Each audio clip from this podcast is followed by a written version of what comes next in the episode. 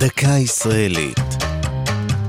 השבוע, הסוכנות היהודית לציון 90 להקמתה, והפעם, המחלקה המדינית.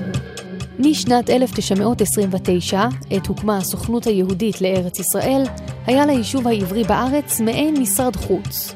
הייתה זו המחלקה המדינית של הסוכנות. ב-1931 הועמד בראשה הדוקטור חיים ארלוזורוב, איש תנועת העבודה, כוכב פוליטי עולה בן 32.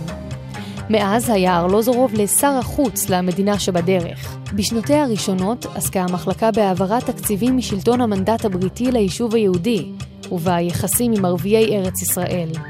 האגף הערבי של המחלקה היווה לימים את הבסיס למוסד. עם עלות היטלר לשלטון, פעל ארלוזורוב להעלאת יהודי גרמניה, אך בליל 16 ביוני 33 נקטעה עבודתו כשנורה למוות בעת טיול בחוף תל אביב, בנסיבות שלא נודעו עד היום. יורשו בתפקיד היה משה שרת, אז שרתוק, לימים ראש הממשלה השני.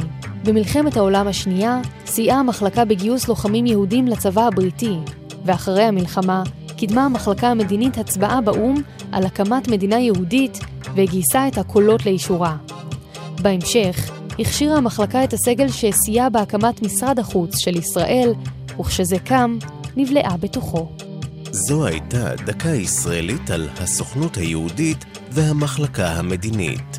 כתבה מאיה רכלין, ייעוץ הדוקטור מרדכי נאור, הגישה נועם גולדברג.